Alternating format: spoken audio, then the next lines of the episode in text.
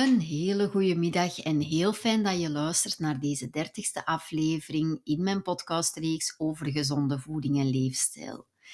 In de aflevering van vandaag wil ik het met jullie graag hebben over darmproblemen. Ik krijg daar regelmatig vragen over, Bijvoorbeeld, ik heb de laatste tijd veel last van diarree, wat kan ik daaraan doen? Of bijvoorbeeld, uh, ik heb last van winderigheid, ook al eet ik heel gezond, hoe kan ik dat oplossen?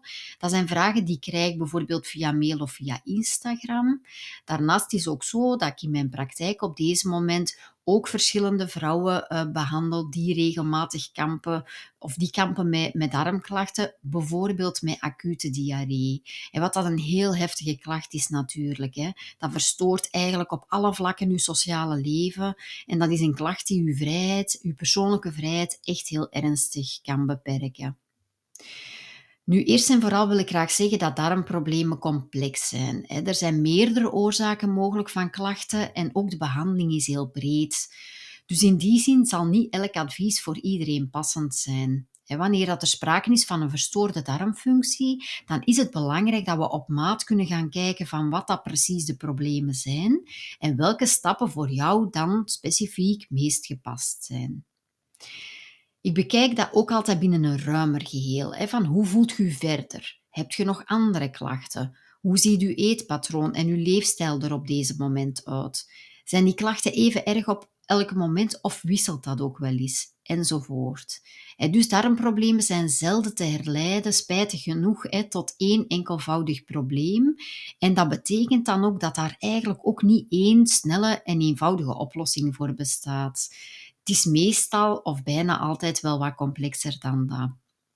Nu hiermee rekening houdend, wil ik jullie in deze aflevering wel graag wat meer vertellen over de werking van uw darmen en over voeding die goed is voor uw darmen en meer bepaald ook voor uw darmflora. En wat is dat dan eigenlijk, uw darmflora? Uw darmflora is uw microbioom en dat is hetzelfde en dat is het geheel aan bacteriën die leven in uw darmen. En dat zijn er enorm veel. Dat zijn in totaal wel ongeveer zo'n 10 biljoen bacteriën. Dus als we dat zouden omzetten in gewicht, gaat het daar eigenlijk over ongeveer een halve kilogram aan microben die in uw darmen leven. Een halve kilo aan microben of bacteriën. Nu, uw darmflora of uw microbioom heeft een hele grote invloed op uw algemene gezondheid. Heel veel gezondheidsproblemen ontstaan eigenlijk door een dysbiose in uw darmen. Wat wil zeggen dat de slechte bacteriën de bovenhand krijgen over de goede bacteriën. En dan ontstaat er eigenlijk op die manier een disbalans die een hoop klachten kan veroorzaken. Wanneer spreken we dan eigenlijk juist van darmproblemen en wanneer is er sprake van darmproblemen? Er zijn een aantal symptomen die een aanwijzing kunnen zijn. Dat is bijvoorbeeld in de eerste plaats een afwijkende stoelgang. Wat kan dat bijvoorbeeld zijn? Misschien kun je niet elke dag naar het toilet gaan. Een goede stoelgang betekent dat je minstens één keer per dag naar het toilet zou kunnen gaan, eventueel ook twee of drie keren. Misschien zit je lang op het toilet. Loopt de stoelgang eigenlijk helemaal niet zo vlot en zit je per keer lang op het toilet. Het zou ook zo kunnen zijn dat dus toegang veel onverteerde uh, voedingsresten uh, bevat, hè, wat dat ook weer zou kunnen wijken op um, een, darm, uh, een darmprobleem. Of misschien is het zo dat uw stoelgang hard is, hè, of dat die blijft drijven, of dat die sporen nalaat in de toiletpot, hè, waarbij dat een plakkerige stoelgang kan wijzen, bijvoorbeeld, op een slechte vetvertering. Dat heeft heel vaak daarmee te maken. Of het zou ook nog zo kunnen zijn dat je last hebt van diarree. Dus dat zijn eigenlijk allemaal uh, voorbeelden van een afwijkende stoelgang. En een afwijkende stoelgang kan een symptoom zijn van een darmprobleem. Daarnaast uh, kan het ook zo zijn dat, er bijvoorbeeld, uh, dat je bijvoorbeeld last hebt van een opgeblazen buik, of van buikpijn, of krampen en winderigheid, uh, en ook vermoeidheid kunnen symptomen zijn van een slechte darmwerking. dus dat is ook nog een tweede aanwijzing. Een derde aanwijzing is um, ook allergieën en ontstekingen kunnen voorkomen. Dus darmproblemen, een symptoom van darmproblemen zouden ook allergieën of ontstekingen kunnen zijn. Wat is dan precies de oorzaak van die darmproblemen? Heel veel darmproblemen ontstaan door problemen met onze darmflora of dat microbioom. Dus die 10 biljoen bacteriën die leven in onze darmen, die zijn eigenlijk heel belangrijk voor onze gezondheid. Want een goede darmflora die zorgt uiteraard voor een goede darmwerking. Een goede darmwerking die zorgt op zijn beurt voor een vlotte spijsvertering, wat dan natuurlijk allemaal al heel belangrijk is. Maar daarnaast is het ook zo dat een goede darmflora ook vitamine produceert. Dat die bijvoorbeeld ook uw immuunsysteem, de immuuncellen aanstuurt en zelfs onze mentale gezondheid beïnvloedt. Dus in die zin is een goede darmflora, uh, die bacteriën, het feit dat die goed in balans zijn en dat we, dat we meer goede bacteriën hebben dan slechte bacteriën. Um, dat is enorm belangrijk voor al deze zaken. Dus dat is wel heel ruim, dat heeft heel ruim een invloed op uw gezondheid. Nu is het zo spijtig genoeg dat de laatste tijd meer en meer mensen worstelen met darmproblemen. Een grote oorzaak daarvan is ons huidige westerse voedingspatroon.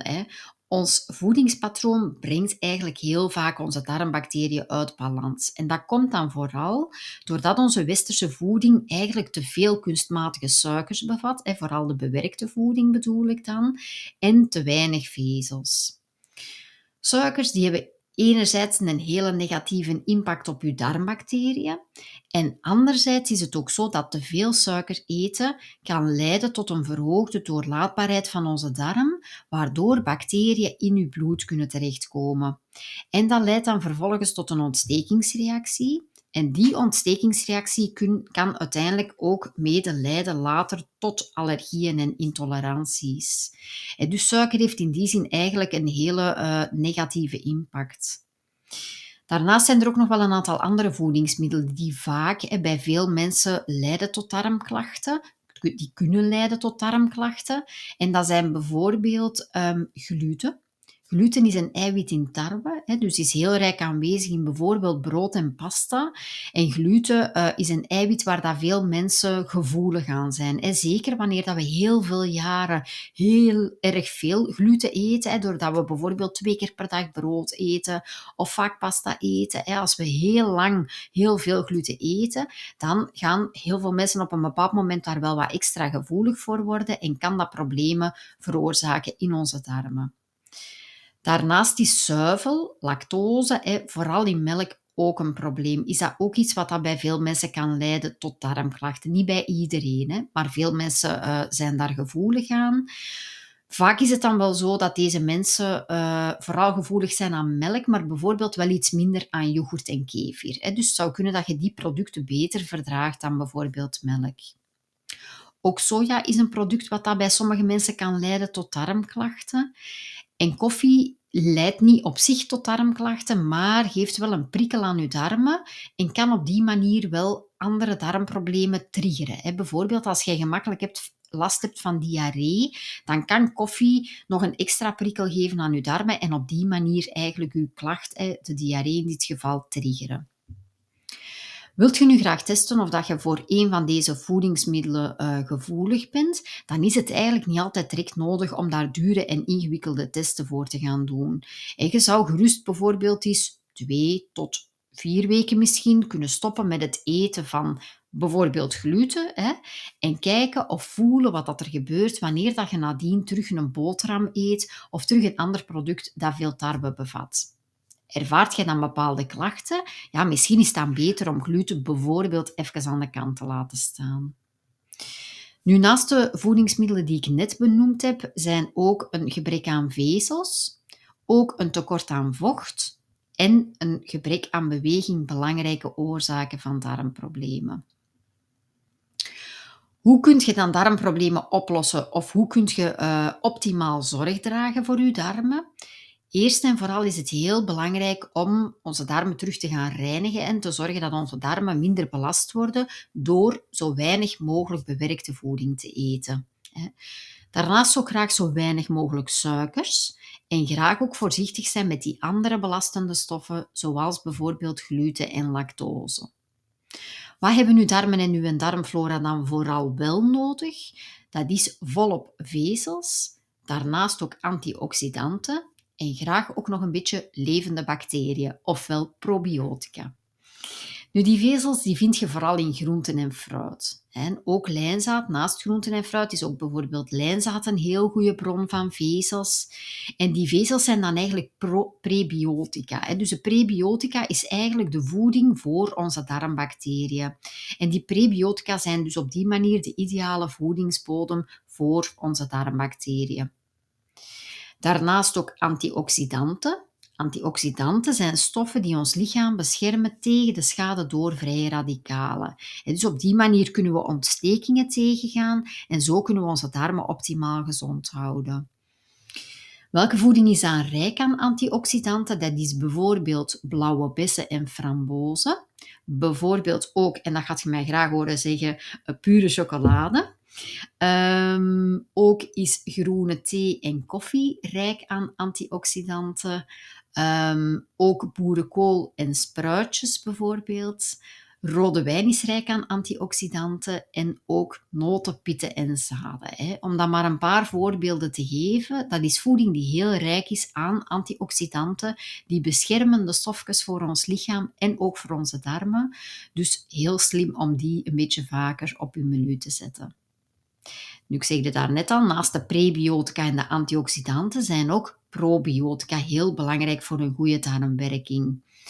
Je kunt probiotica, prebiotica ook trouwens nemen in een supplement, maar je kunt dat ook innemen via je voeding. Die levende bacteriën kun je innemen via je voeding, bijvoorbeeld door gefermenteerd voedsel te eten.